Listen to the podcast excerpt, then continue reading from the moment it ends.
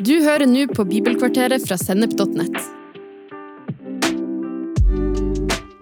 Bibelkvarteret er et kvarters påfyll i hverdagen fra Guds ord. Både til inspirasjon og introduksjon til viktige tema i Bibelen. Du vil også finne mer stoff på Sennep.net som gir deg inspirasjon til å følge Jesus i hverdagen. Følg oss på Facebook og Instagram, og abonner på våre podkaster i den podkastappen som du bruker. En gruppe på jobben satt samla da en understreka sitt poeng med å si ta Sindre som eksempel. Han har andre verdier enn jeg har, for han er jo fra Sørlandet. Har det blide Sørlandet æren for verdiene mine? Nei, mine verdier kom ut av troen og etterfølgelsen av Kristus som Herre. De naturlige valgene som kom ut av det, gjør at Guds ord kaller meg en fremmed.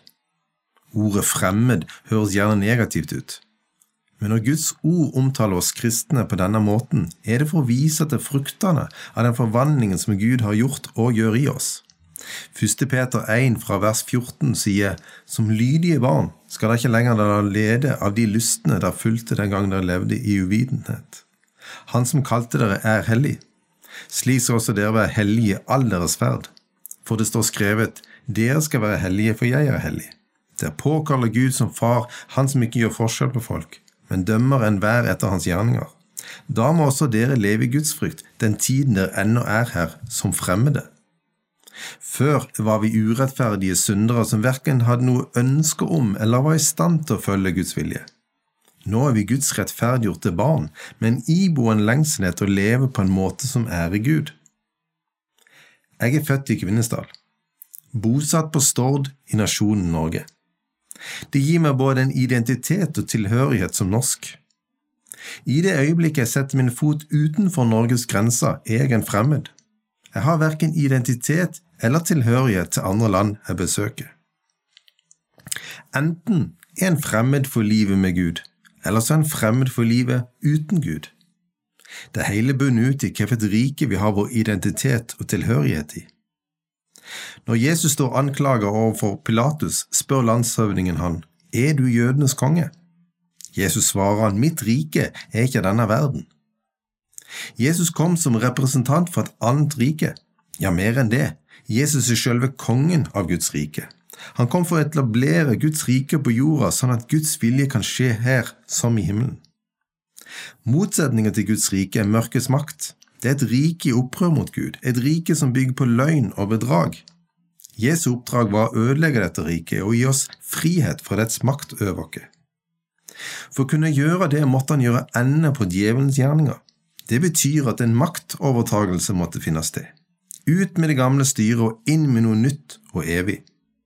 En sånn fullkommen seier vant Jesus ved sin døde oppstandelse. Han kledde maktene og åndskreftene nakne og stilte de fram til spott og spe da han viste seg som seierherre over de på korset. Etter sin oppstandelse fra de døde ble han opphøyd til det høyeste og gitt navnet som over alle navn. Fra da av regjerer han som kongenes konge og herrenes herre. Konsekvensen er at ved Jesus har Gud fridd oss ut av mørkets makt og ført oss over sin elskede sønns rike. Guds rikes grenser er åpna for alle som gjennom tro og omvendelse bekjenner Kristus som Herre. I det øyeblikket vi trådte inn i Guds rike, så skifta vi identitet og tilhørighet.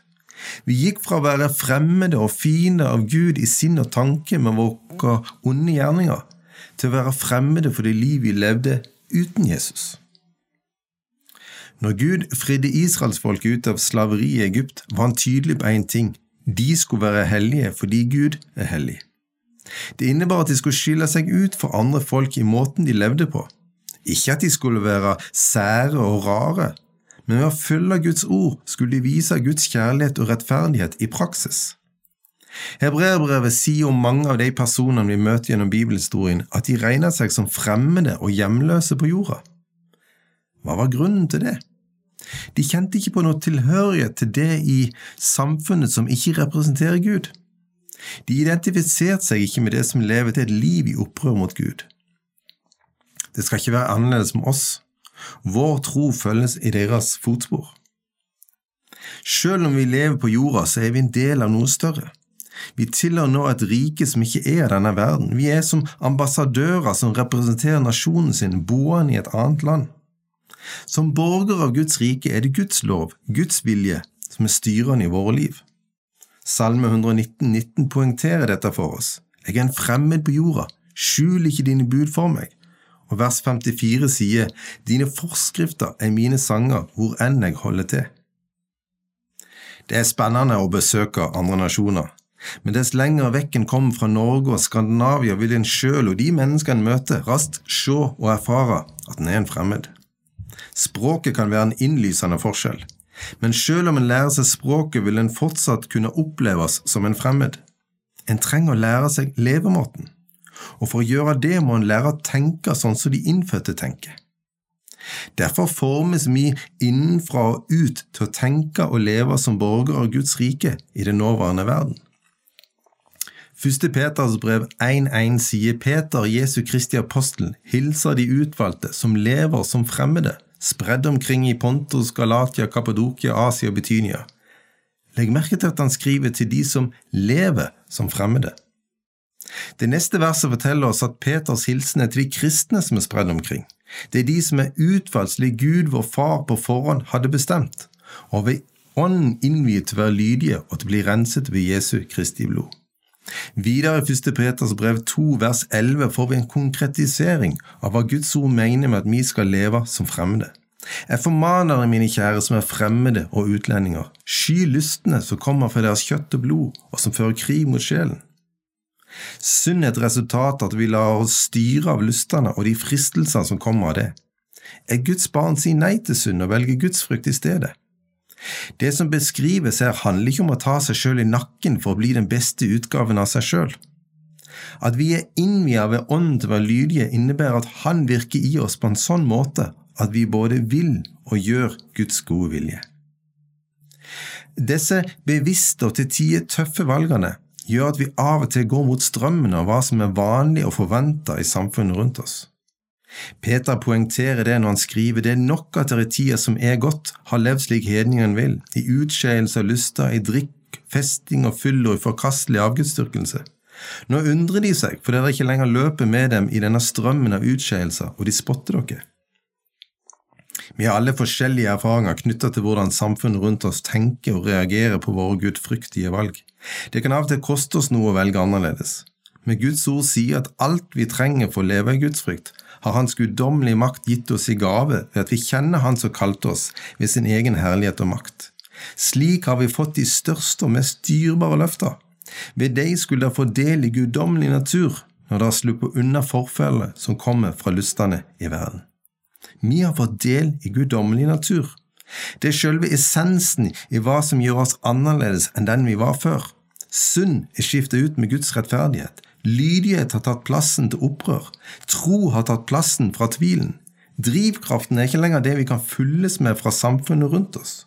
Gud gir oss alt vi trenger for å leve etter sannheten. Vi skal slippe å være styrt av menneskelig visdom som sier at sannheten er det hver og en måtte mene er sant for seg sjøl. Det er ikke meningen at vi skal være som en slags kameleon ved at vi tilpasser oss stadig nye meninger om hva som er sant og ikke sant. I stedet henter vi næring fra troens ord. Summen av dette ordet er sannhet, og presenterer Guds lover som varer evig.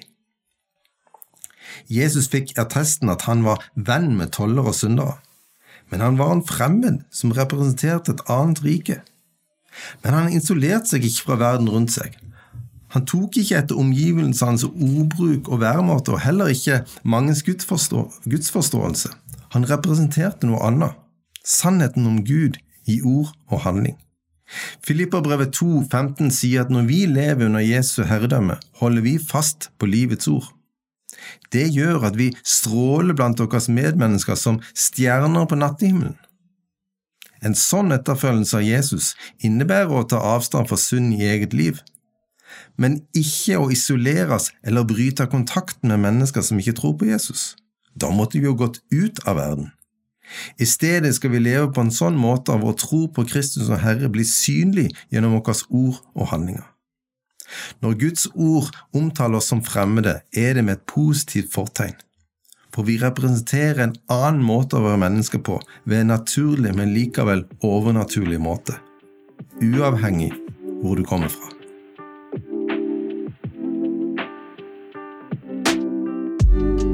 Du har nå hørt en episode fra Bibelkvarteret på sennep.nett. Du vil også finne mer stoff på sennep.nett som gir deg inspirasjon til å følge Jesus i hverdagen. Innholdet på Sennep er gratis og tilgjengelig for alle, takket være økonomisk støtte fra kristent nettverk, menigheter og enkeltpersoner. Kan også hjelpe oss ved å be for oss, dele innholdet vårt med venner og bekjente, rate podkastene i den podkastappen du bruker, eller ved å gi en gave på VIPS. VIPS nummer 54 66 68. Takk for at du lytta til sennep.nett.